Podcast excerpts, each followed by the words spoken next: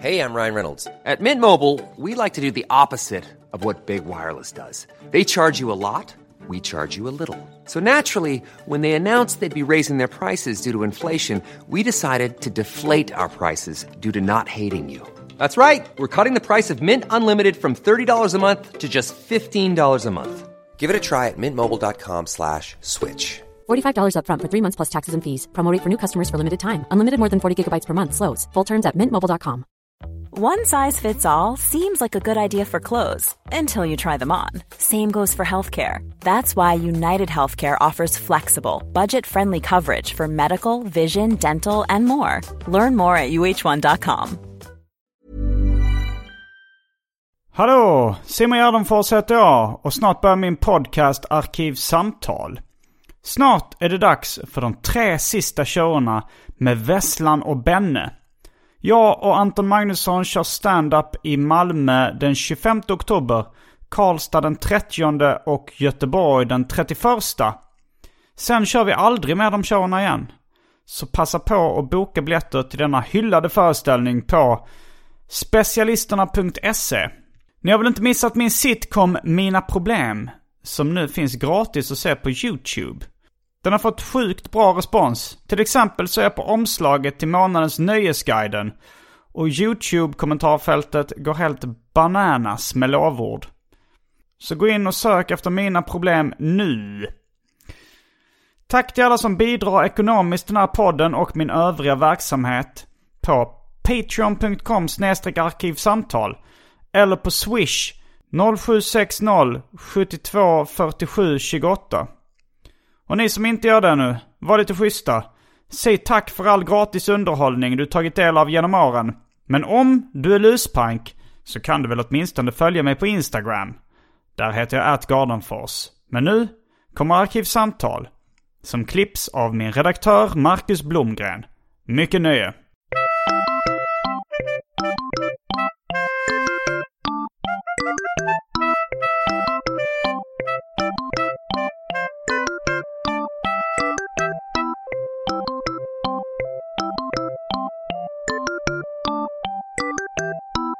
Hej och välkomna till Arkivsamtal. Jag heter Simon Gärdenfors och mitt emot mig sitter veckans gäst. Orvar Sävström. Välkommen hit. Tack så hemskt mycket. Glad att vara här. Veckans eh, tema är uh, ramen. Den japanska nudelsoppan. Kanske man kan sammanfatta det. det, vi ska, Ja, vi det är, kan... det är en väldigt enkel och bra sammanfattning tycker jag. Men eh, först en liten presentation om eh, vem du är. Och vad du har för bakgrund. Uh, ja, ska jag dra den eller du?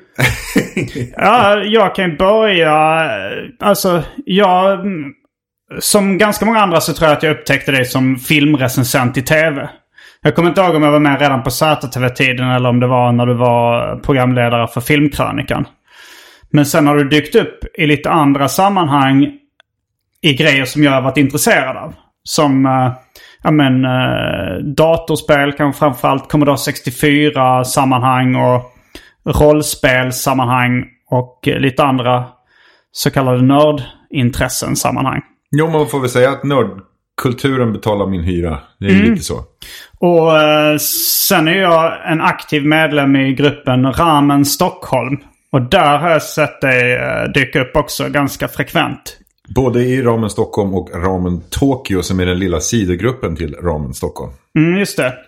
Men eh, var det någonting jag missade i presentationen av dig som... eh, Ja, jag kan väl säga att de, dels så har jag ett nördigt bokförlag tillsammans med Jimmy Wilhelmsson som ju har varit med här tidigare. Just det. Och eh, som heter Fanrake och vi ger ut eh, en massa böcker. Bland annat nu en eh, på måndag. En barnbok om rockmusik som jag är väldigt glad över. Ehm, och sen kommer i innan jul här en stor bok om rollspelet MUTANT. Du nämnde rollspel innan. Du har väl eh, en bakgrund som musiker också? Ja, fast det har kokats väldigt mycket nudelsoppa på den lilla spiken får man säga. Jag var med i det svenska metalbandet Entombed i ungefär sex månader. Utöver Aha. det var det visserligen andra band, demoband och sånt. Men något, något stort eh, rockmusikerförflutet har jag inte. Jag tror kombinationen av finkulturen i, i filmbransch och annat sånt med gammal death metal-sångare var det som gjorde att det har skrivits så mycket om det. Hade det bara varit, hade jag stått på ett, ett bygge så tror jag inte så många hade Nej, gjort, okej. gjort den kopplingen. Nej, eh, men, eh, ja, men då får vi nöja oss med den korta presentationen. Eh, men innan vi kommer igång med ramensnacket så har det blivit dags för det omåttligt populära inslaget Välj drycken.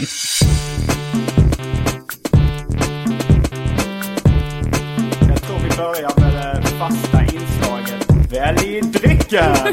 Då kommer alternativen här. God morgon apelsinjuice. Fanta Grape. Det är faktiskt någon som har skickat den eh, från Japan tror jag. Eh, Faxekondi. Den danska drycken. Fanta Zero. 50% i röd absint som heter Le Diable Rouge. Rambo energidryck. Vanilla Coke. En kopia av eh, spritlikören Fireball. Saranac Root Beer.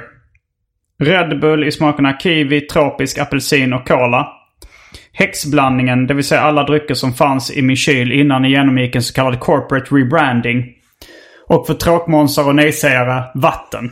Ja, det var ju en intressant kombination får jag säga. Ehm, egentligen så får, får jag nog... Alltså, nej, det, Fanta Grapen har jag ju druckit i Japan. Ehm, och det är, ju, det är ju inte då eh, grapefrukt utan, utan vindruva. Va? Mm, Precis, det. så att det, det är ju inte det man tänker. Det är inte den här gamla grape tonic-varianten man tänkte på som, som ens föräldrageneration groggade på. eller något sånt där. Grappo. Grappo, ja precis.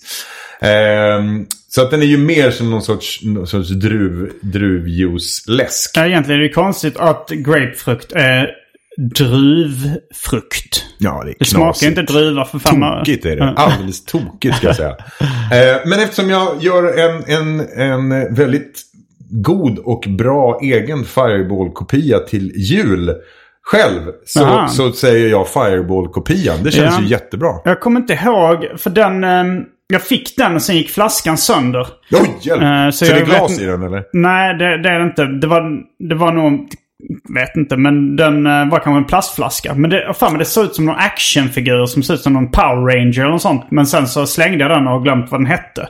Men den är nu i en annan eh, plastflaska. Det här låter för bra för att vara sant. Det är nästan som man ska blanda Power Rangers med Rambo eh, eh, powerdrycken. Ja, men det kan vi göra. Vi gör en- vi gör en man, man, på den. man, Ja, om man kan ha dem. Eller om man, som en chaser tror jag, typ ballas det. Ja. Om, man kan, om man får vara så fräck så att man har två grejer så kan man ha Absolut. en, ett litet glas med Fireball-kopia och sen en Rambo Rambo, till det, en Rambo energidryck.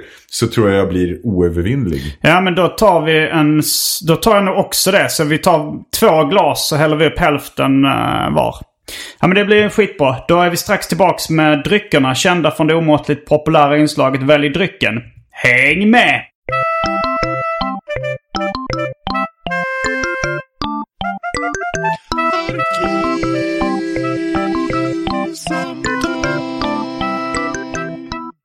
Då är vi tillbaks med dryckerna. Ja, då är vi här. Fast ska vänta, ska du läsa lite? Det kanske är svårare att vända på den här eh, Rambo-drycken. eh. Rätt tänkt. Det blir en sån här kolla på klockan när man håller Ja. ett glas i handen.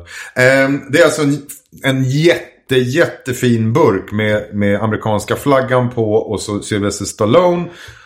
Och så står det Fuel Energy for Life The Premium Quality Glory Original Taste Drink the Best. Och jag känner ju lite som jag känner då med Budweiser som det står The King of Beers på. Ja, jag litar på att det här är the best. Står det det så är det så.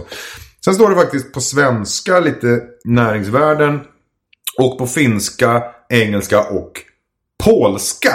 Men du hittar inte någonstans vilket land den är tillverkad i? Nej, jag skulle gissa att den här är Jag får kolla om jag kan säga det. Det står bara produced in EU for... Och sen står det ett ord på polska. Så att jag gissar att den är gjord i Polen. För det är ett foto av Sylvester Stallone. Eller en teckning. Ja, det, Och det, står Rambo. Men det känns inte som att den är auktoriserad. Det känns som att de har... eh, Nej, det här har de rippat. Bara. Jag kan inte mm. tänka mig att de har köpt loss eh, Rambo till den här. Jag har fått den av Adam Hilario som har regisserat uh, första avsnittet av min sitcom. Han bor i Bagarmossen. Det kan vara där han har köpt den. Den, den känns ganska Bagarmossen den här Mm. får jag säga. Sen så står det på den... ehm, varning, får ej eh, blandas med alkohol. Så det är ju jätteroligt. Det ska vi ju göra. Ja. Eh, och eh, ej för barn, gravida eller ammande. Och det är, räknas vi till någon av de tre? Det tror jag inte va? Uh, Nej, barn är väl det som ligger närmast. Ja, med, eh, va? Ja. Men då tar jag och öppnar den här. eh, Och när jag ändå är på gång med det här. Så, så vill jag slänga ut en shout-out till min absolut bästa vän i, i livet. Per som har en, en YouTube-kanal som heter Lortgrodan. Där han testar mysko, läsker och sånt. Vad heter Så den, sa du? Den heter Lortgrodan. Lortgrodan, Ja, okej. Så vi tar en push för Lortgrodan Mm. och hans olika läsker. Så, och så får du den här. Ja, Nej. då vill jag också smaka den först. Innan jag blandar den med Fireball-kopian så Ja. vill man ju smaka den liksom ren på något sätt. Så det ska vi se. Det var ett tag sedan jag drack en energidryck. Det är inte Mm. min vanliga... Hör inte till min kost riktigt. Den är väldigt lik eh, Red Bull. Skulle jag säga. Men Mm. lite, lite blaskigare. Det är lite fadd i smaken. Mm. Framförallt efter. När man har svalt så känner man att det fattas någonting. Det är samma färg som Red Bull-kupén så jag tror nog ändå att den... eh, Den, kom, den kommer nog... Alltså passa rätt bra då om man Red Bull är... Eller med Fireball är ofta rätt... Det är ju rätt fyllig smak. Så att den här blaskiga passar Mm. nog bra det till den. blir hur bra som helst. Den perfekta drinken. Mm. Red Bull-kopia med Rambo Energy. Red Rambo. Ja men... eh, Ja men det här var gott. Bra! Ja, det var gott. Nu känns men, och det känns väldigt Japan. Det känns som en bra början. För där, varje gång man är där så testar man konstiga läsker och köper automater och sådär. Så det, Mm.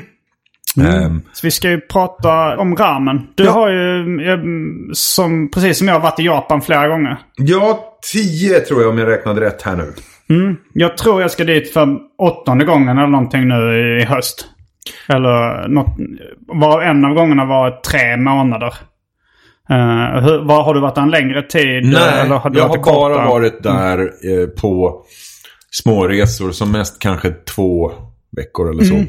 Eh, men väldigt många gånger. Eh, och åkte dit första gången som journalist faktiskt. Jag följde med ett gäng svenska eller skandinaviska spelstudios som skulle åka på Tokyo Game Show Mm. på hösten eh, för ett gäng år sedan.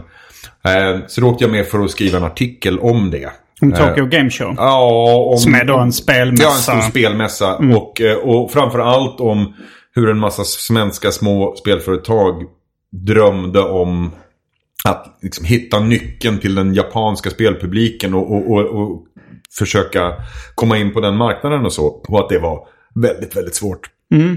Ehm, så då åkte jag dit ehm, och hade aldrig varit där förut. Och blev helt golvad. Och tyckte att, att Vilket det var, var helt här? fantastiskt att vara där. Ja, jag skulle gissa att det är ungefär tio år sedan. Nej, det är nog till och med lite mindre än det. Det kanske är 2010 eller någonting sånt. Ehm, och sen så sa jag till min dåvarande fru att vi måste åka till Japan. Så att året efter åkte vi dit. Faktiskt också när det var Tokyo Game Show så kunde jag jobba lite. Och då när vi var där så sa hon det här är häftigaste landet jag varit i någon gång. Hit måste vi ta barnen. Och så åkte vi dit en tredje gång med ungarna. Och sen har det bara rullat på så har jag varit där massor med gånger. Eh, och tagit dit både mina gamla föräldrar som är 80 idag. Och jag har varit där med eh, goda vänner. Jag åkte dit en gång bara med min son när han var lite äldre. Så att han var i eh, 18-årsåldern sådär. Så att, eh, eh, nej men och det är, jag brukar ju oftast göra samma, ungefär samma upplägg. Och det är att, jag- men jag vill vara en vecka i Tokyo för jag älskar Tokyo. Ehm, och så brukar jag försöka ta ett par dagar ute i Hakone som är en eh, nationalpark som ligger kanske två timmar från Tokyo. Där man, ja dels är det natur men det är mycket sådana här bada i varma källor och, och hänga lite. Och så luktar det gamla ägg överallt. Eller luktar så här svavel överallt. Från. Det är som att vara på Island lite grann. Eh, man kan se Fuji därifrån men det är långt borta liksom. Men, men det är en, en, en, som en stark kontrast till, till eh, Tokyo. Så åker jag dit. Och äter otroliga mängder mat, dricker massor med, med rusdrycker och eh, sitter på skumma små rockbarer som stänger klockan fem på natten. I Tokyo framförallt kanske. Ja, jo, förstås. Är det um, Det är mer Golden hoppig ute Guy? i hackarna. Ja, det är väl överlag. Eh, jag gillar... Dels gillar jag Golden Guy, men, men eh, som ju är ett, ett känt område med massa små, eh, små barer. Mm. Men jag tycker väldigt mycket om Shimo Kitazawa som är eh, lite bohemiskt, Mm, sö- lite Södermalm. Södermalmsaktigt.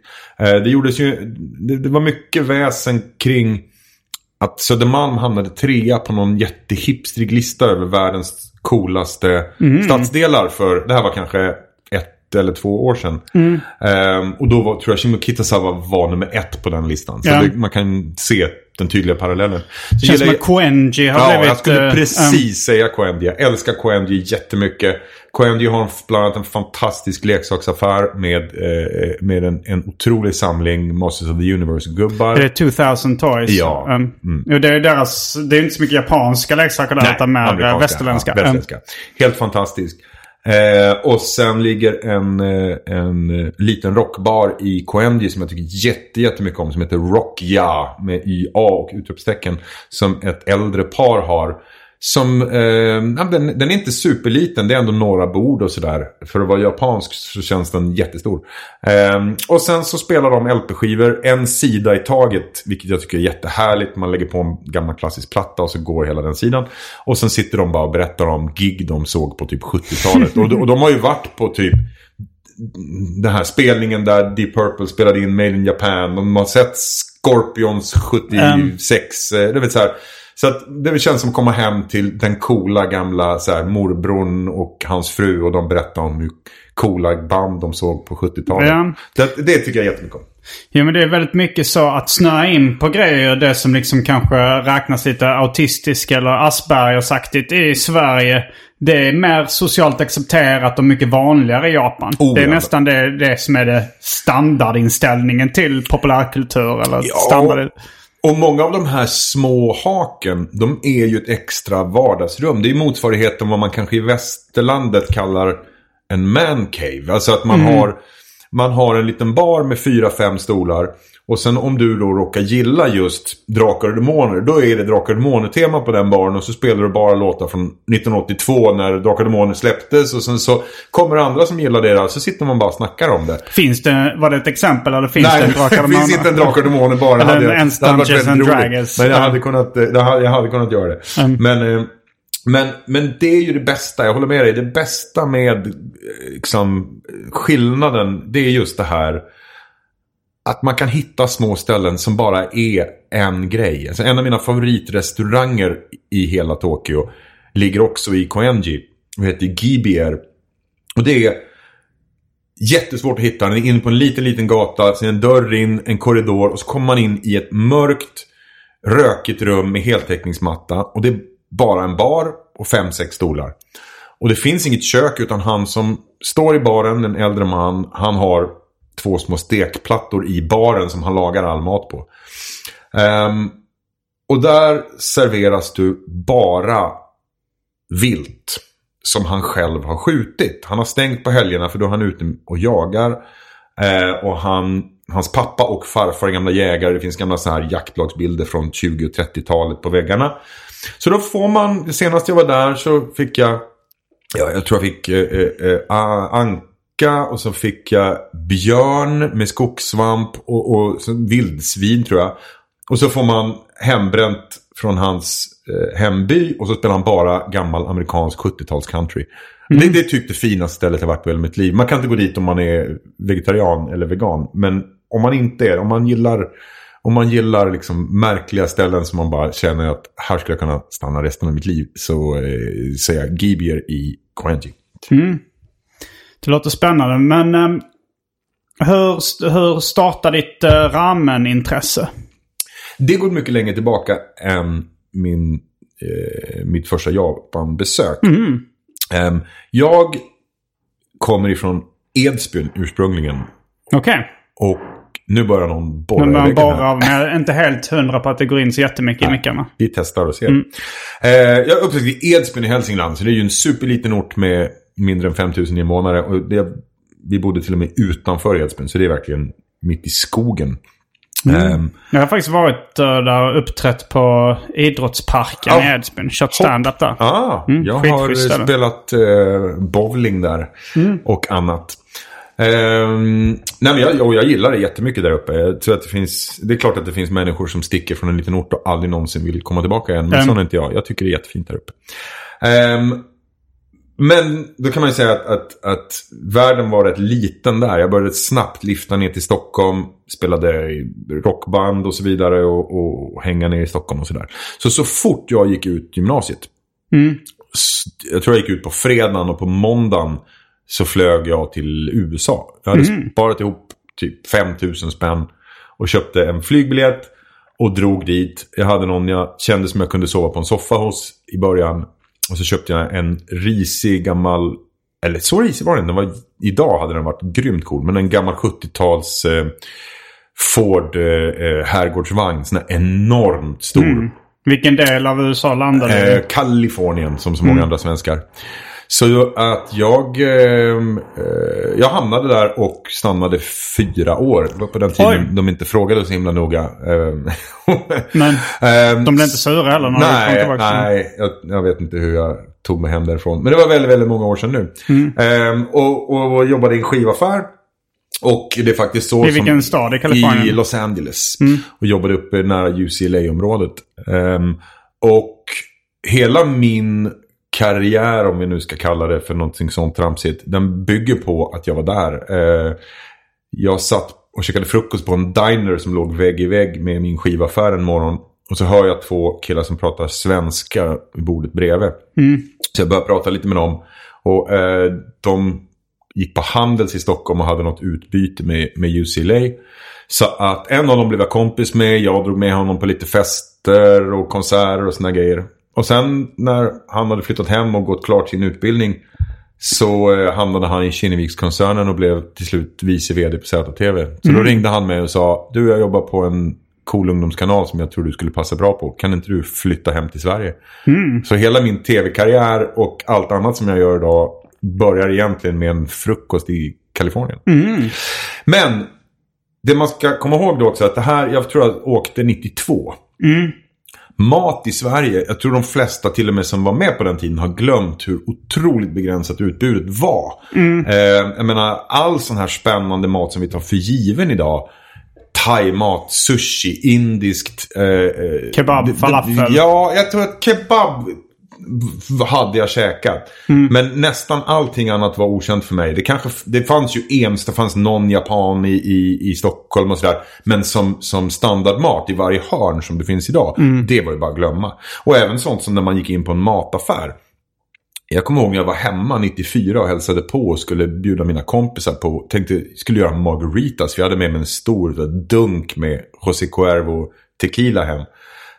Eh, 1994 gick det inte att köpa lime i Stockholm. Oj jävlar. Nej, det var för exotiskt. Det fanns citron. Det var liksom... Så att, Mm. eh, och det var, fanns en hylla. Old El Paso tacos, hårdskalstacos kunde man köpa. Men det fanns inga sådana här thai, indiskt ingredienser. Inget sånt. Men, Så att väldigt mycket av cool ny mat som jag åt i den vändan. Det var ju just för att jag var i, i USA. Det var ju, och kan specifikt minna första gången jag åt sushi till exempel. Och där åt jag också ramen. Nu, Mm, har vi en stor. Ja, nu har vi också en stor ramen-explosion i LA. Eh, precis som vi har här. nu? Ja. Alltså när drog den... För det kom... Alltså jag, upp, jag åkte till Japan första gången 08 tror jag. Mm. Eller ännu tidigare. Kanske till och med 05. Hade du käkat ramen innan då? Kan varit så att... Jo men det gjorde jag. För att Ramen Kimama fanns i Stockholm innan dess tror jag. Så Så- jag tror jag hade käkat där då. Så kan det mycket väl ha varit. Och, eh, och tyckte att det var väldigt gott då. Men sen så efter jag hade varit i Japan så insåg jag att det här var ingen bra ramen på Ramen Kimama. Och det kan vi ju återkomma till. Mm. Men det är, ju, det är ju ett problem. Som gäller både eh, sushi på hörnet och, och ramenställen. Mm. Att när man väl har varit i Japan så blir det lite jobbigt. För att skillnaden är så enormt stor. Ja.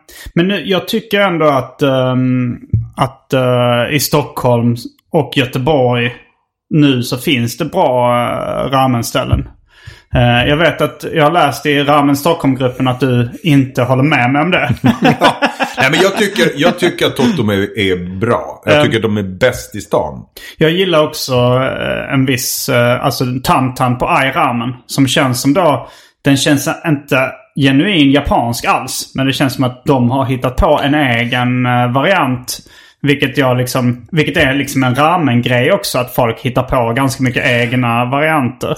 Ja, men det ska man ju, det ska man verkligen ha klart för sig. Mm. Att, ja, det är samma när det gäller sushi. Att svenskar som har snöat in på en japansk matgrej mm. är ofta otroligt renläriga. Det måste vara exakt så här för det är klassiskt. Och så kommer man till Japan och så är det så här, ja fast på det här stället så är det sushi med, med oxfilé som vi har torchat. Men det är liksom, mm. det är massor med experimentlusta och, och de gör massor med olika grejer. Ja. Så det ska man ha klart för sig. Sen finns ju alltid den här gränsen tycker jag när det gäller mat mellan experimentlusta och nollkoll. Mm. Som, som är när en rätt slutar vara en rätt. Och det stöter man ofta på i så här, jag får väl erkänna att jag är i en del sådana här matgrupper på Facebook. Mm. Uh, så när, när, när, när, jag kan tycka så här, om någon säger jag ska gå hem och göra carbonara. Mm. Så kommer inte jag gnälla för att det är bacon i den. För att, för att det ska vara guancale. Det är liksom fine. Är det en, en skinksort eller? Ja, men det, egentligen ska mm. det vara en sorts griskind i det. Liksom. Okay. Um, men när någon säger så här, ja, men jag ska, jag ska göra caesarsallad. Fast jag gillar inte den dressingen så jag har en vinägrett på istället. Då känner mm. jag så här, fast då är det ju en kycklingsallad. Hela, hela, alltså Caesar är ju dressingen. Mm. Det är inte en Caesarsallad längre om du tar bort dressingen. Så då, då känner jag att då har det liksom försvunnit. Och så kan det bli ibland när man ser såna här. Oh, men vi har gjort en sushi fast den är vegansk och det är inte ris. Så att, så att det är blomkål med gurka på. Och då känner jag så här, ja, fast då är det inte sushi liksom. Vad skulle du säga är definitionen av ramen? Ja, alltså det kan ju vara väldigt många olika um, upplägg och olika beståndsdelar. För dels är det väl liksom uh, hela soppan, hela ja, rätten, rätten som heter ramen. Ja. Och sen så är det väl de specifika nudlarna. Specifika nudlarna. Där finns det ju andra varianter. Mm. Alltså som soba och udon och så vidare. Fast frågan, är det då uh, ramen? Nej. Det skulle jag säga att det inte är. Egentligen. Utan, utan att det är en, en, annan... Men... Vi kan ju gå igenom lite liksom uh, det historiska i det för att reda ut det begreppet. Ja. Alltså, det kom från... Det var kineser från början som ja, det det. Ja. Gjorde, gjorde nudlar. Och det kallas väl även ibland i Japan shinasoba, det vill säga ja, kinesiska, nudlar. kinesiska nudlar. Och då var de ju gjorda av bovete. Mm. Och soba är väl liksom ett äh, namn för nudlar då? Ja, det är och det. Men får man soba idag i Japan så är de ju gjorda av bovete. Det som heter buckwheat på, på engelska. Och de är lite brunare. Men det mm. tror jag var... Alltså det var standard. Det här med vetenudlar, det är ju jänkarna ganska mycket som har pushat in det. Är det? För jag fick för mig att det var kineserna, att det var att det var deras nudlar som hette low main. Alltså mm. den kinesiska nudeln som sen då japanerna som blandar ihop R och L ganska ofta blir... low main blir ram, äh, ramen. Ja, men så är det uh. säkert. Jag vet bara att efter andra världskriget så ville jänkarna exportera en massa vetemjöl. Eh, och, mm. och, ville få eh, japanerna att dra ner på ris och äta mer mjölprodukter. Mm. Eh, så att jag tror inte att, alltså nudlarna kom ju inte från USA. Men däremot så fanns det eh, subventioner och sånt för när det gällde eh, vetemjölsimporten. Okay. Och, och, det, och, och, det lyckades man med i viss mån för att eh, det är jättemycket, alltså jag tror så här mer än hälften av allt vetemjöl i Japan kommer från USA. Så det, mm. det var en, men, en lyckad satsning. Men, men det stämmer. Eh, man bytte namn sen. Kina Soba. Kina var eh, lite nedlåtande tror jag. Så det brukar kallas för Shukus Soba idag. Om man, Shuku är ett annat ord för Kina. Aha. Så det var väl så här. Jag tror Kina, Kina soba är lite så här ching chong kines. Eh, alltså lite, lite så. Och sen så om man ska vara lite mer eh, politiskt korrekt så säger man shuku soba. Okej, okay, eller ramen då är väl Ja, fast, fast, soba är ju då som sagt en speciell sorts nudlar som man... Mm. Men sen så har vi ju udon som är tjocka. Mm. Som jag tycker jättemycket om. De är... Jag är också stort udon-fan. Mm. Men det är då inte ramen udon? Mm, ja. Jag, jag har snackat med ja. folk i Japan så här, ja. nej men det är en annan sak. Ja, men ramen alltså, är ju de tunna och udon är en, en annan form. Ja, liksom, alltså vad jag har hört så är ramen-nudlarna då att det är eh, bakpulver i. Att det är, vad heter det, alkaliskt vatten. Alkoholiskt vatten, ja. Eh, att det är det som är skillnaden. Men, men, eh, men att udon då inte innehåller det. Utan att de är lite mjöligare. Att det är vete, eh, tjocka vetenudlar liksom. För den som inte har ramen- ätit dem så är det ju nästan om man tänker sig att fettuccini eller tagliatelle var...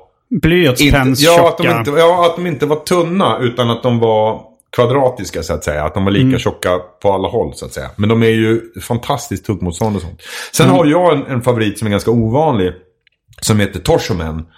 Eh, och torshomen är handskurna nudlar. Eh, eller nu, det är nästan inte, det är närmare nästan någon sorts eh, så här, tyskt, eh, om, om, du, om du har ätit spetzel någon gång som är så här, tysk eh, pastavariant. Nej. Man, eh, torshomen görs med att man har en jättestor klump med deg. Alltså du tänk, tänk som om du eh, ska dreja liksom.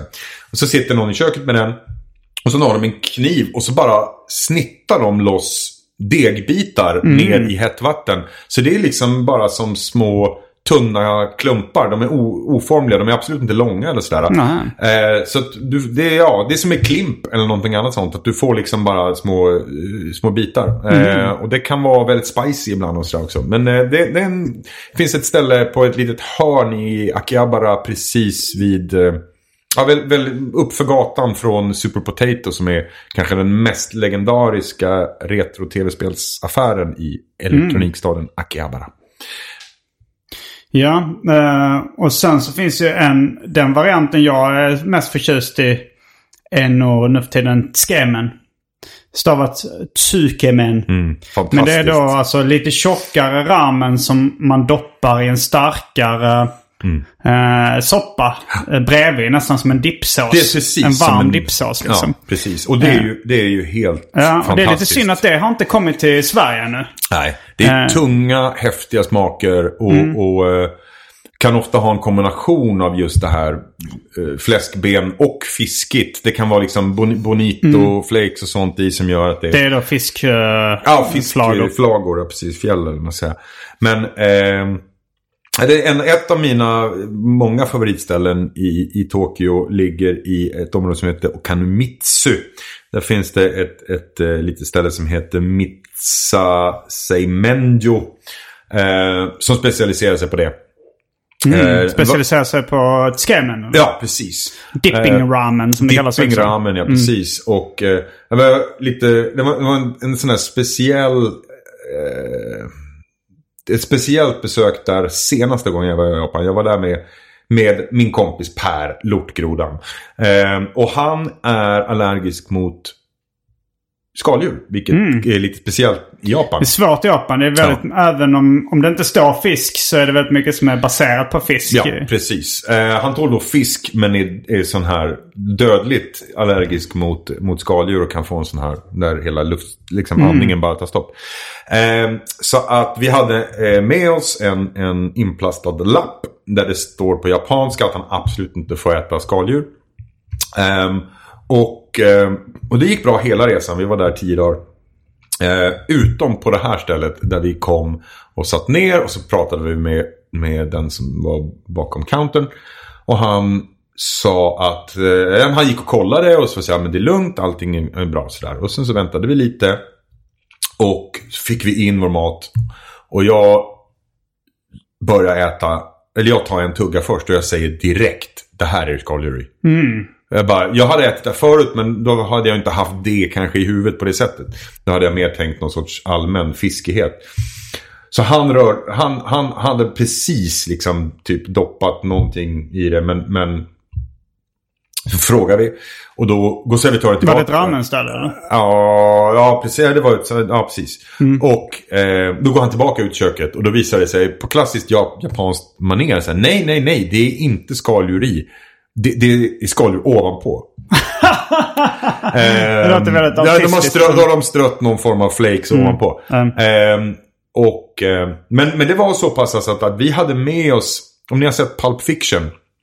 En sån adrenalinspruta. Aha, rakt in i hjärtat. Som jag ska hugga honom med Aj, om, aj, aj, om det här händer. Liksom. Men, men eh, tack och lov så hann han inte börja äta så det hände ingenting. Mm. Och Per är med oss än idag. Men, men, eh, men eh, jag gillar ju när sånt händer. Alltså, inte, inte när folk dör och blir blå. Men Nej. jag gillar ju min matminnen som är mer Mm. än att bara exakt vad man åt och ingredienserna när det finns en story kring. Det är då Mm. man kan sitta med dig här och, och prata om någonting för att man minns det av många olika anledningar. Att säga. Hey, it's Danny Pellegrino from Everything Iconic. Ready to upgrade your style game without blowing your budget? Check out Quince. They've got all the good stuff shirts and polos, activewear, and fine leather goods, all at 50 to 80% less than other high end brands. And the best part? They're all about safe, ethical, and responsible manufacturing. Get that luxury vibe without the luxury price tag. Hit up quince.com slash upgrade for free shipping and 365 day returns on your next order. That's quince.com slash upgrade. I'm Sandra, and I'm just the professional your small business was looking for. But you didn't hire me because you didn't use LinkedIn jobs. LinkedIn has professionals you can't find anywhere else, including those who aren't actively looking for a new job but might be open to the perfect role, like me. In a given month, over 70% of LinkedIn users don't visit other leading job sites. So if you're not looking on LinkedIn, you'll miss out on great candidates like Sandra. Start hiring professionals like a professional. Post your free job on linkedin.com/people slash people today. Quality sleep is essential. That's why the Sleep Number Smart Bed is designed for your ever evolving sleep needs. Need a bed that's firmer or softer on either side? Helps you sleep at a comfortable temperature? Sleep Number Smart Beds let you individualize your comfort so you sleep better together. JD Power ranks Sleep Number number 1 in customer satisfaction with mattresses purchased in-store. And now, save 50% on the Sleep Number limited edition Smart Bed for a limited time. For JD Power 2023 award information, visit jdpower.com/awards. Only at a Sleep Number store or sleepnumber.com. Men, men jag håller med dig. Det, det tycker jag nog är den allra ballaste formen av, av, eh, av ramen. Just att... Det, det, ja, det, det är så mycket smaker och det är sånt djup i det att det, det är... eh, det är en annan grej. Det, är en helt annan sak. Ja, men när jag skulle bo i... Jag, jag åt det första gången när jag... eh, jag hade fått stipendium till Japan eh, som serietecknare. Och, eh, och då så var det liksom Arts Initiative Tokyo var den or- organisationen som skulle liksom ta hand om mig där. Och eh, då var det så här att... eh, och deras kontor låg i Ebisu. Ja. Och, och så var det hon som mötte mig på liksom stationen och sa bara ah, men vill du äta någonting japanskt eller något västerländskt? Så, så han, eh, Vill ha, precis, vill du ha McDonalds e- e- eller vill du ha typ råval? Men så sa jag, ah, men någonting japanskt. Eh, och så sa han, ah, men vi kan gå in på det här stället.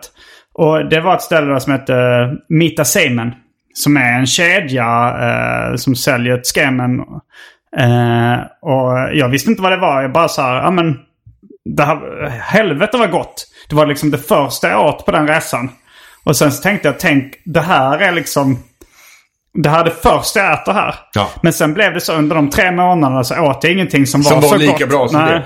Nej, men och så, Eh, så där kan det kan ju vara ett nyhetens behag också som spelar in. Men det är ett av mina favorit, absoluta favoritställen nu. Uh, Mita Seimen i Ebisu. Fast det är väl samma kedja då? Alltså Mita, Mita Seimen Jo heter den som jag var på. Jaha, det var en annan. Så jag, jag skulle tro att det, eller ja, det låter Ja, som om det jo, är det är nog samma. Det är nog samma. För den här ligger i, då i Okanemitsu som är, som jag åker till för att det ligger typ tre Disc Union-affärer där. Och Disc Union är en stor kedja med skivaffärer. som Ja, har mycket ja. gammal vinyl och sånt. Så, eh, så det är därför jag var där första gången så att Mm. säga. Men jag tror mitt ramenintresse började nog på allvar när... eh, jag gjorde faktiskt en podd, det här Arkivsamtal. Den har funnits nu sedan eh, 2012, så det har några år på nacken. Men i- de tidiga avsnitten spelade vi in i Japan. Några av de tidiga. Och då, eh, då intervjuade jag några svenskar där som var väldigt matintresserade. Och de berättade om det finns någon slags eh, hemsida där liksom salarymen, det vill säga liksom japanska Ja. löneslavar, eh, de listar sina favoritramenställen och sätter betyg på dem. Och de sa då liksom att den som brukade toppa listan där var Ramen Giro. Som är en Ja, slags... Shinagawa. Ja, det, det, Det är en kedja. Det ja, finns på ganska många olika ställen. Eller kedja och kedja. Det var då en gubbe som jag antar hette Giro. Som jag gissar är ett vanligt japanskt namn. Det finns en uh, känd dokumentär som heter Giro Dreams of Sushi. Ja, precis. Och det är ju ett sushi-ställe. Och det är ett sushi-ställe. Men, och den har ingenting att göra med Ramen Giro. Det är nog bara som att den heter Svensson Sushi och Svensson Ramen. Ja. Eller, eller Johan. Jag vet inte, men det är något namn Ja, liksom. visst. Eh, men det var nog en gubbe som hette Giro som gjorde ett, eh, en speciell typ av ramen. Och sen så hans lärjungar startade liksom Ramen Giro-ställen runt om i Japan. Jag tror det finns 30 stycken nu. Och det där är ganska vanligt. Det är ganska många ramenställen man kommer in på där det kan vara saker på väggarna som man inser att ah, men här är det... Ja, men det är som att gå in på någon sorts så här kampsportställe där man inser att det finns någon läromästare längst upp och sen Ja. så har det spritt sig och sen har det förändrats och du har fått Brazilian jiu-jitsu och så fått det här och så hit och dit. Eh, så Jo. kan det vara rätt mycket med just Så det är inte ramen. exakt liksom. Jag har ätit rätt dålig ramen giro och väl extremt bra. Men, Mm. men då, jag liksom blev lite insåld på den här kulten. För det, det är så liksom... Den, eh, just Ramen Giro, de hade en liksom så här die hard fans. Det är, det är inte den populäraste kedjan. Men det är liksom den... eh, de, som har, de, de som har verkligen, eh, folk som gillar det gillar det extremt mycket. Ja, men det är väl som, som alltså om du tar de vanliga snabbmatskedjorna i USA, när du pratar om stora. Så har du ju en kult kring White Castle. Som, Ja. är, som är väldigt speciell. Och, det, och det, de är långt ifrån störst. Men folk som gillar White Castle kan inte tänka sig något annat. Det, då är det just White Castles Ja, burgare som Eller kanske eh, skulle nog en, ännu mer som uh, in and out burger eller Ja, Shake. Shack eller något Jo, sånt. precis. Att det är mer finsmakare. Alltså Jo. White Castle Men de är ju här mer, riktigt de är mer, mer mindre kedjor. Ja, Fast men precis. är Fast vi gillar ju White Trash. Vi gillar ju White Trash. eh, Giro är rätt trashigt också. Ja. Det är väldigt, alltså eh, smet, alltså jag ska inte säga soppan för det är mer än liksom smet nästan. Mm. Att den är extremt fet då. Eh, tonkotsu-ramen som är då kokt på Mm, fläskben fläskben, ja, framförallt. precis. Ehm, sen är nudlarna, de är tjocka, nästan lika tjocka som udon. Trots att det är då ramen. Mm. Och sen så får man ett berg av grönsaker. Kanske så bean sprouts, vad heter böngroddar Mm. ovanpå. Så är det ofta väldigt mycket vitlök i och lite mycket fett liksom i allmänhet. Jag såg dokumentären Ramen Heads. Ja. Som, uh, det är en dokumentär om... Det var framförallt någon liksom lite mer finkrog... Uh, uh, ja, men, ramen. Jag vet inte om... Nej, det var inte den som hade en Michelin-stjärna. Eller det finns väl två Mm, ställen det finns nu. två, ja, precis. Eh, men han, han samarbetade vid något tillfälle med någon av de Michelin-ramenställena. Men, men han som var huvudrollen i då Ramen Heads.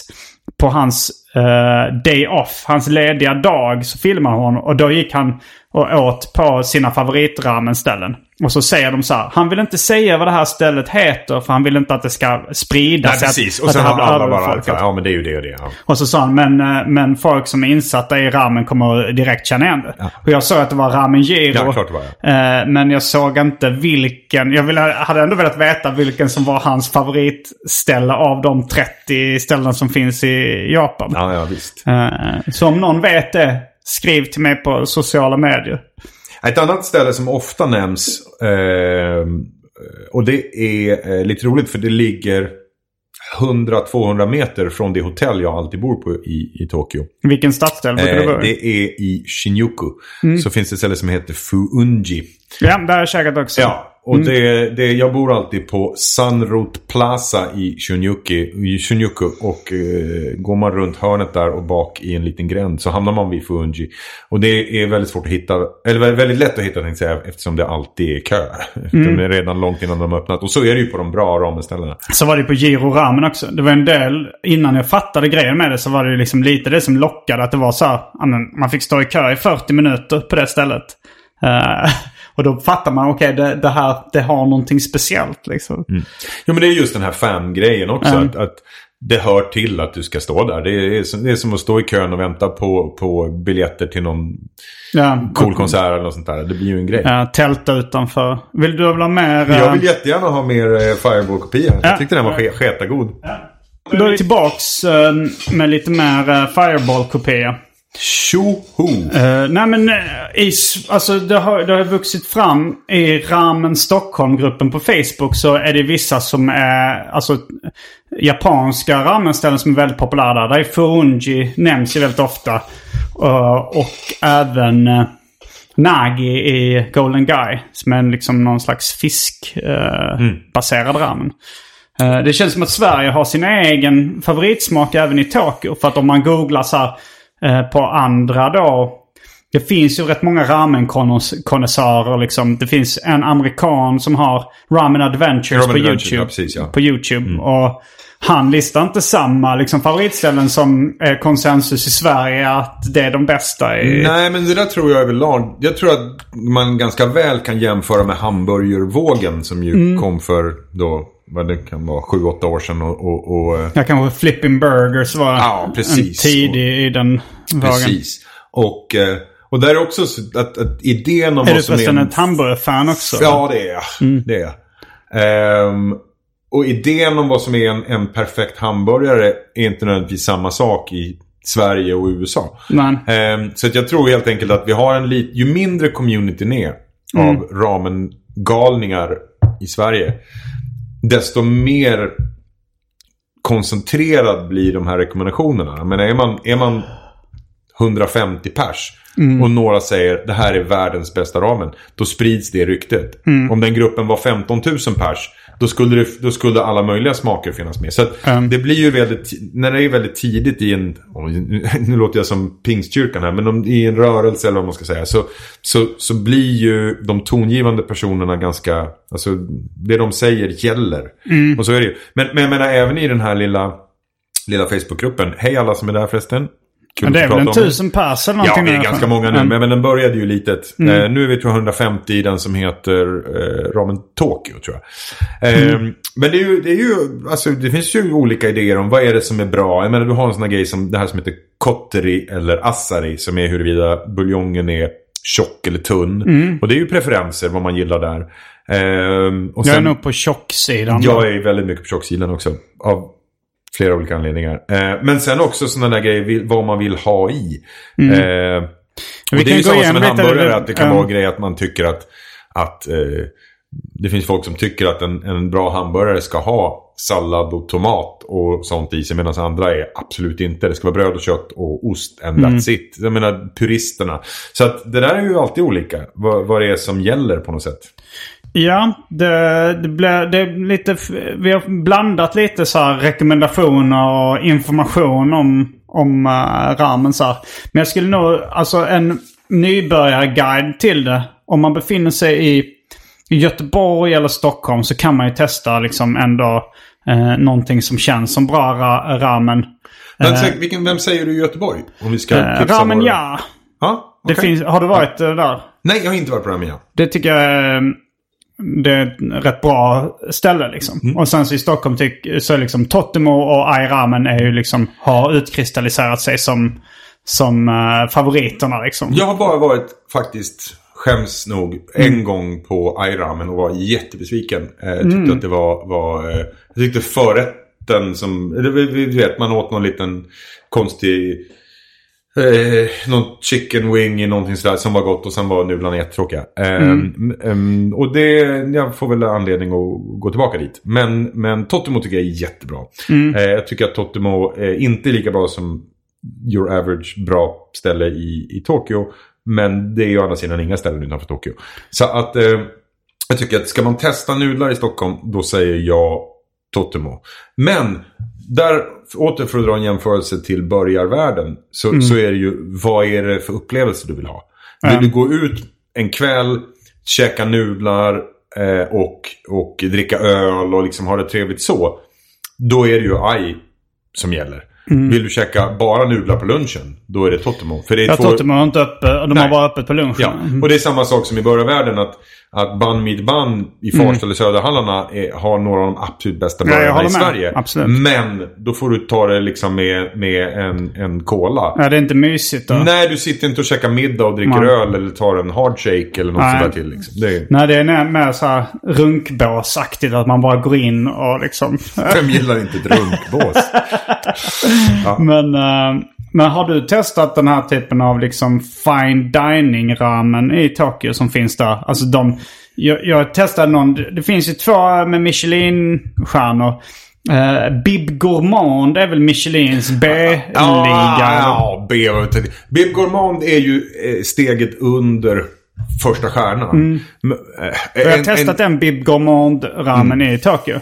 Jag tyckte det var gott men... Nej, men, det är inte bättre än någon annan bra nej, ramen. Nej, det var bara lite mer pretentiöst ja. att... Uh, vad heter det här? För det finns ju dels eh, buljongen men sen så finns det någon liksom eh, liten sås som smaksätter buljongen som man häller i i efterhand. Eh, det kommer jag inte ihåg vad det heter. Men de häll... Inte rajo, inte chilioljan där utan nej. den här andra. Ja, ja, ja, men ibland får man in någon grej. Ja, nej, det kommer jag inte ihåg vad den heter. Eller de häller i det liksom ja, ja, efterhand. Ja, och att de hällde i den på lite mer liksom finkrog-sätt. Liksom snurrar. Precis, det, det, det, mm. det kommer någon med, med, med uppsnofsig uppsyn och mm. hällde i den åt dig. Ja, nej. nej, men sådär är det väl med allt möjligt. Jag tycker att i en stad som Tokyo Mm. Med så fruktansvärt mycket bra mat. Um. Så, så kan jag ibland bara känna att varför ska jag lägga 2000 spänn på att gå och äta fantastisk mat. När jag kan gå och äta lika fantastisk mat för 100 spänn. Mm. Liksom halvvägs över gatan bara. Alltså det, det finns självklart som, som matintresserad så jag skulle gärna äta båda. Mm. Men, men jag kan äta så fantastiskt mycket cool mat i, i Tokyo. Som inte kostar nästan någonting. Och då känns det lite ja, Det onödigt. finns ju jättebra ramen för 40 spänn också. Ja, liksom, verkligen, du, verkligen. Eller 80. De dyrare ställena ja. kostar ofta 80 ja. kanske för en skal. Men... Jo, jag kan känna lite så när det gäller liksom sushin också. Att nu har, så här, helt plötsligt så har du tusen, eller nej du har hundratusen människor som har råkat se eh, Giro Dreams of Sushi och säger mm. nu ska vi lägga barnens, eh, liksom pengarna vi har lagt undan för barnen för att åka till Japan och äta världens bästa sushi. Ja, det är skitbra där. Jag har käkat på Giro. Mm. Men det är ju liksom... Fast det är ju grejen att gå dit. Jag har käkat helt makalös sushi för 100 spänn också i Japan. Mm. Så, att, så på något sätt känner jag så här. Hitta coola ställen som du gillar att vara på och som har god mat. Det är ju på något sätt det viktiga. Att man känner att det här... Ett av mina ett av de, det tror jag de allra första ställen jag var på i Tokyo första gången. Kommer jag tillbaka till. Det har blivit som en tradition att första kvällen varje gång jag kommer till Tokyo.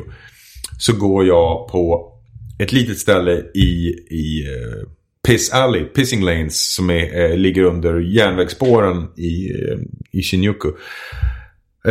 och det är verkligen så här supertrångt. Man kan slå på det i, i, på, på YouTube och se sen när folk går med typ en GoPro genom det super, super smala små gränder som man bara kan gå i. Det påminner lite om nyss nämnda um, Golden Guy. Golden Guy, mm. fast ännu trängre och, mm. och mat mer än barer. Um, och då finns det ett ställe där man, den första gränden in, kanske 20-30 meter ner, så ligger det ett ställe som ett gammalt par har. Jag tror, antingen om han är sjuk eller död, att mannen, senaste gången jag varit där har bara varit kvinnan. Eh, och eh, deras dotter. Men de kör yakitori, alltså sådana här små grillspett. Eh, och tillbehör... kyckling. Ja, och, det, de, och de kör ganska hardcore grejer. De har kycklinglever, de har kycklingskinn, de har kyckling, liksom mm. allt sånt. Det är inte bara kött. Eh, och lite svampar och lite andra sådana grejer. Och så är det bärs. Eh, och det är bara så bra. Och man liksom känner direkt att man är mitt i smeten. Alltså, på något sätt så är det bara, bara hela intrycket av att vara i det här myllret och det är folk överallt och det, det är, sitter någon, någon halvgalen japansk tant som, och, och, röker och skrattar bredvid dig. Och så, men det, det och, och då känner jag just där så, så, skulle du få liksom, du skulle nog få kedja mig vid en bil för att slita bort mig till en, en Michelin-krog. För mm. det, det, jag vill vara i den smeten. Det är just den här känslan av att, att vara där alla andra går. Och de går ju dit av en anledning. Alltså, de har ju försökt att riva det området i, i 20 år nu. För att, för att, om ni tänker er själva, om ni tänker att, att 50 Sibylla-kiosker låg i en av världens dyraste områden. Mm. Och, och, och, det är verkligen så här. Kostar ingenting att käka där. Allting ser ut som små rivnings... Eh, så här, små skjul. Um, Och så tänker man, ja men här kan vi bygga en jättestor shoppingmall. Liksom. Vi vill ta bort de här. Det är bara det att varenda sånt ställe har tio stammisar som är typ i regeringen eller svintunga businessmän och så vidare. Alla har ju beskyddare. För att det är deras stamhak. Så de, de, de får inte driva det. Så fort de idéerna kommer upp så, så kliver det in tunga, mäktiga personer och säger Ingen ska röra det här. Liksom. Och det kan jag gilla. Jag kan hata det på ett sätt. För att Japan är ett problematiskt land när det gäller maktstruktur och sådana grejer. Inte minst om man är tjej. Eh, men jag kan också gilla det här på ett sätt som nörd. Att, att eh, jag skulle vilja ha makten om någon försöker lägga ner Günthers eller Brunos korv. De här två klassiska korvställena i Stockholm. Jag skulle ju kunna vilja gå in liksom, med, peka med hela handen och säga att sorry ni rör inte det här. För att, för att, för att jag gillar det. Um, vad heter det här? Det finns något ställe, Ishiran, som är en sån kedja. Jag gillar inte det alls, men det verkar vara en av de liksom populäraste. Det är liksom lite ramenvärldens McDonalds, skulle jag säga. Och det är många, både i Sverige och i Japan, som tycker väldigt mycket om det. Ja, men det, jag tror att det är lite den här som vi pratade om innan. Eh, Pabst Blue Ribbon-grejen. Så ibland, nej, men ibland så blir de här guilty pleasure-saker går över till att, till att bli att folk bara rekommenderar dem. Jag tycker inte heller att det är... Jag skulle aldrig få för mig att äta det i Tokyo med tanke på hur fantastiskt mycket bra Men, ramen det finns. men det finns i USA också va? Ja, det gör det nog ja. På samma sätt som, som vad heter de? Eh, Yoshinoya. Yoshinoya. Yoshinoya. Det är det med, Ja. ännu mer deras McDonalds. Ja, liksom. det är ju deras McDonalds. Och Yoshinoya brukar jag käka när jag är i Japan. Men det är när jag typ kryper hem klockan fem på natten från de där rockklubbarna vi snackade om i början. Mm. Och det ligger ett Yoshinoya vägg i vägg med hotellet. Då äter jag på Yoshinoya. Men jag skulle ju aldrig gå ut och käka det planerat. Men det är ju ofta bara ris och, Det är ris och lite kött. Ja. Och det, det är verkligen... Vad kallas Japans- den rätten? Liksom ris och kött. Har inte det något namn också? En skål med ris har något liksom Ja, japanskt det har det garanterat. Mm. Det får vi fråga någon japan. Men Ishiran, deras specialitet är också att man får ett litet eget bås. Mm. Att, eh, ja men vissa tycker kanske det är lite pinsamt eller så här att sitta och äta på en restaurang ensam. Mm. Men där är det liksom designat för att äta ensam. Att man sitter med skärmar på sidorna. Så att man, eh, man ska få liksom vara i fred och äta en skål, en skål ramen. Ja men så är det ju på väldigt många japanska ställen. Just Mm. den här känslan av att, att det är byggt för att antingen vara ett litet, litet sällskap eller ensam. Mm. Eh, det kan vara ofta vara om man går på en restaurang att, att det är massor med små bås. Och så, Mm. så om det är en dyrare restaurang då sitter någon businessgubbe med, med någon ungälskarinna i ett bås för två Mm. och, och käkar mat och sådär. Men, men det, value your privacy. Jag menar det, det finns en en, en, den typen av, av känsla. Att man, det är samma med karaoke. Karaoke i Japan bygger ju inte på, som, som i Sverige, att man är på en bar och, och sjunger eh, liksom, mera brännvin med Eddie Meduza Mm. och alla hejar. Det bygger ju på att du och jag och två kompisar till sitter i ett litet, litet rum. Ja, man och hyr sitt beställer eget vardagsrum, Beställer liksom. upp mat, ja precis. Eh, och, och sjunger karaoke. Men den, den pop, kanske den populäraste eller vanligaste eh, karaoke-stället för svenskar i Tokyo. Det, ligger, det heter Champion Bar och ligger precis där Golden Guy-området börjar.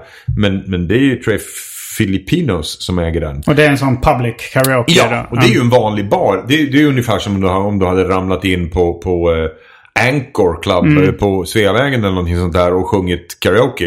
Eh, det är ju inte alls en typisk karaokeklubb. Nej, nej, jag blev faktiskt chockad över det när jag kom till, till Tokyo för första gången. Att, man, att jag letar kanske, jag var ute med några kompisar och letade efter ett mer så här, socialt ställe.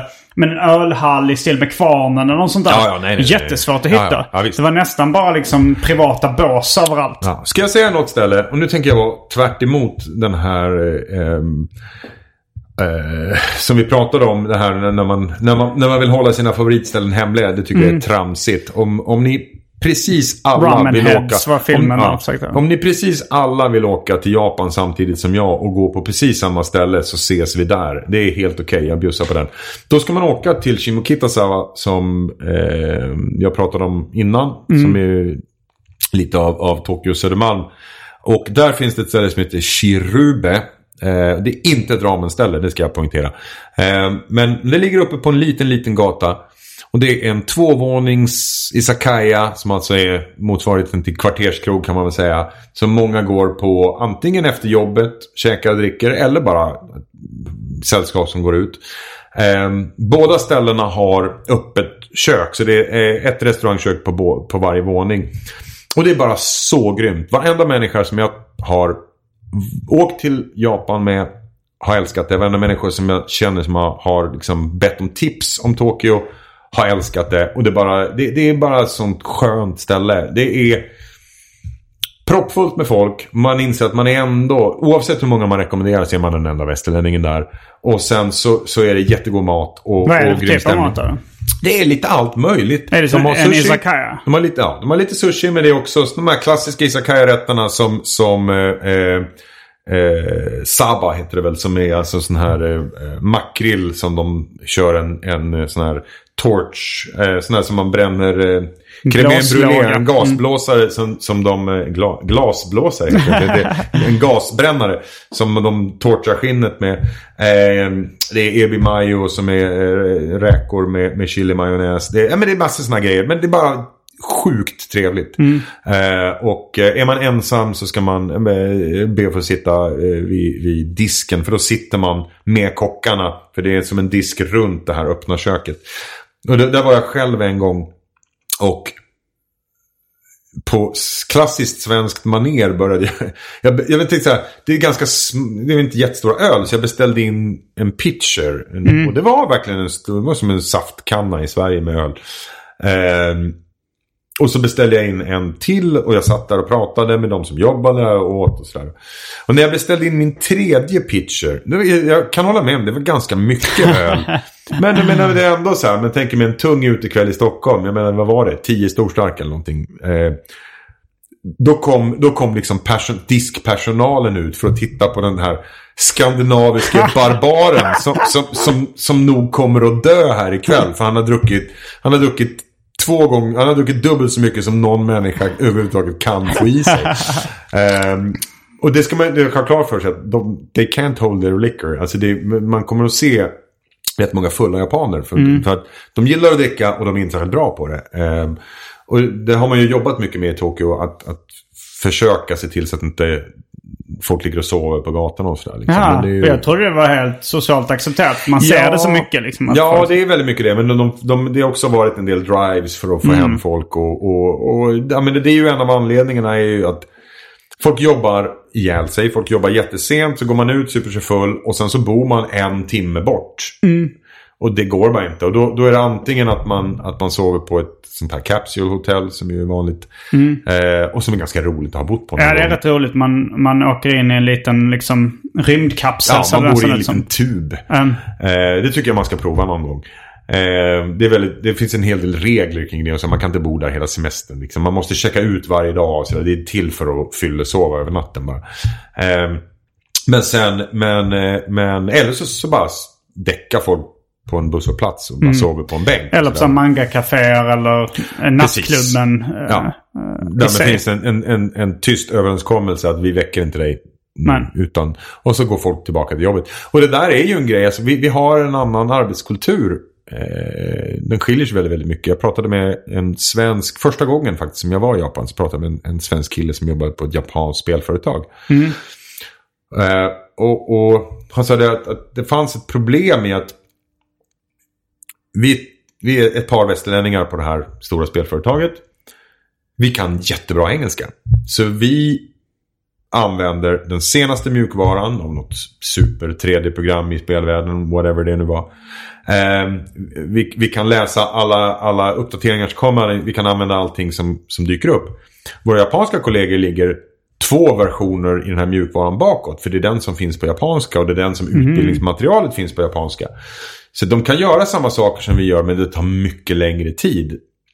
Eh, så vi går hem på fredag, sent på fredag eftermiddag. Och så kommer vi på måndag igen. Och då har våra kollegor suttit hela helgen. De har jobbat hela lördag och hela söndag för att komma ikapp oss. Och då är de ikapp oss på måndag. Problemet är att våran chef tycker att de är mycket, mycket duktigare än vad vi är. För de har ju suttit och jobbat hela helgen. Och det är en sån där grej som, som just att, att det är vad du offrar som är det viktiga. Inte nödvändigtvis vad du presterar. Och det, det är en av de grejer jag kan känna som känns negativt med Japan. Det, det som jag älskar och som ju kommer ner i matkulturen rätt mycket. Det är ju det här med att det viktiga är att det du gör ska du göra så bra som möjligt. Och det skiljer sig jättemycket från Sverige, därför att, eller västerlandet överhuvudtaget. Här är det ju folk, så här, framförallt om man kommer till kanske Kalifornien, då är det så här, ja men jag är en servitris. Eller jag är inte servitris, jag är en skådespelerska som betalar hyran genom att vara servitris. Eh, jag, jag, jag eh, jobbar på dagis, men jag ska bli rockstjärna någon gång i livet. Medan man kan träffa folk i Japan som är städare. Och pappa var städare. Och farmor var städare. Och jag har farmors kvast fortfarande. Och jag har en bok där jag, där jag skriver ner exakt vilka tider som det har tagit att städa det här kontoret jag städar varje dag. Det finns en otrolig yrkesstolthet över att vara bäst på det jag gör. Och om man någonsin åker pendeltåg, gå längst fram, främsta vagnen. För då är det alltid en stor glasruta så man kan se, eh, ja vad heter det nu då? För, inte cockpit, men alltså där föraren står. Och i den här här, kontrollpanelen med alla mätare och sånt så är det utstansat en, en sorts hål som är runt och sen en liten, liten öppning där uppe på den här ringen. Och det är precis plats för att lägga tidtagarur. Eftersom alla de här chaufförerna har en loggbok och ett gammalt klassiskt tidtagarur.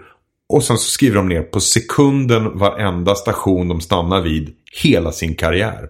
Alltså man kan ha en, en hel bokhylla med sådana. Som är, för, för att det är, det är liksom, och det handlar inte om att, att åka fortast, det handlar om att komma i tid. När ska det vara? Och det, jag kan bara bli så här glad över den yrkesstoltheten. Min mamma gillade det när vi var i Japan. Hon är så här gamla generation på 30-talet. Och hon blev så här, ja men det här, det här känns som så att folk är stolta över vad de gör. Och det, det, jag kan se poängen i det. Jag verkligen försöker bli så bra som möjligt på det. Det märker man inom, inom matkulturen väldigt tydligt också. Att de har... Att det, det, är väldigt få ställen som har en slapp inställning till eh, det de lagar liksom. Ja men ni som har sett uh, Giro Dreams of Sushi. Att Det är så här, jag har jobbat här i tio år men jag får fortfarande inte skölja riset. Alltså det är den nivån liksom. Snart kanske jag ska få börja göra det. Eh, och det är just det här att, att eh, och kampsport handlar ju ganska mycket, traditionell kampsport handlar också ganska mycket om det. Om att, att Funakoshi som var men liksom, the grandfather av japansk karate, mot slutet när han var lam i benen och inte kunde gå längre så satt han hela dagarna på golvet i sin, i sin eh, dojo och övade slagtekniker. Liksom. Det var så här, för, för det tar aldrig slut. Det är liksom the, the strive for perfection är grejen. Det, jag kan gilla det. Ja, jag som kommer från serietecknarvärlden ser mycket, det är väldigt många japanska serietecknare som har den inställningen också så till sitt yrke. Att man ska bli så bra som möjligt och liksom man tycker det är det viktigaste i hela världen att det här ska bli perfekt liksom och försöka. Mm, någonting mer du vill tillägga eller är det, ska vi börja runda av? Nej, jag hade, jag hade en, en, en trevlig liten grej som hände i förrgår. Eh, Jag var över och gjorde, jag har en eh, filmmusikkonsert med skräckfilmsmusik eh, som jag var precis över i Åbo, Turku i Finland och gjorde. Och där finns det en jättemysig liten, ja men sådär halvfin krog. Den är, den, är, den är inte så fin i kanten. Det är inte så mycket vita dukar. Men den är lite övre prisklass. Den är sådär. För er som bryr er om mat. White Guide-listad. Eh, som heter Ka- Kaski. Inte Kaxi. Inte Yxi Kaxi Kolmi. Kaski. Ehm, och eh, en av de rätterna jag åt där. Som sa men det här är vår hyllning till ramen. Och, och, det, och det var väldigt uttalat, det här är inte ramen. Men det är inspirerat av ramen. Och det var ehm, ehm, tunt, det var strimlad pumpa gjort till nudlar. I en jättesmakfull, eh, smakstark buljong. Eh, med eh, porkbelly, alltså en sorts sidfläsk till långbakat. Eh, och sen var det gäddrom ovanpå. Så att det var väldigt fiskigt också. Och, eh, och det var jätte, jättegott. Och också en sån här känsla av att ja, men här, här står någon white guide kock som gör helt andra grejer och jobbar med finska råvaror. Men gillar ramen och, Mm. och vill ge en vink åt, åt ramen i en finkrogsrätt. Så det blev jag jätteglad av. Men eh, då säger vi tack för att du ville vara med i Arkivsamtal. Det tycker jag eh, var jätteroligt och inget som man behöver tacka för. Men det var, eh, det var allt från den här veckans avsnitt av Arkivsamtal. Jag heter Simon Gärdenfors. Och jag heter Orvar Sävström. Fullbordat samtal.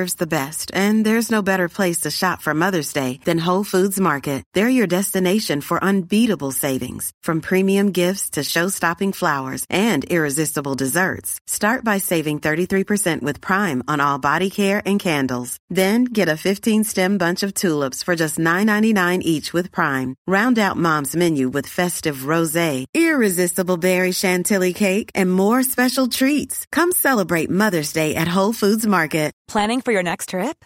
Elevate your travel style with Quince. Quince has all the jet setting essentials you'll want for your next getaway, like European linen, premium luggage options, buttery soft Italian leather bags, and so much more. And is all priced at 50 to 80% less than similar brands.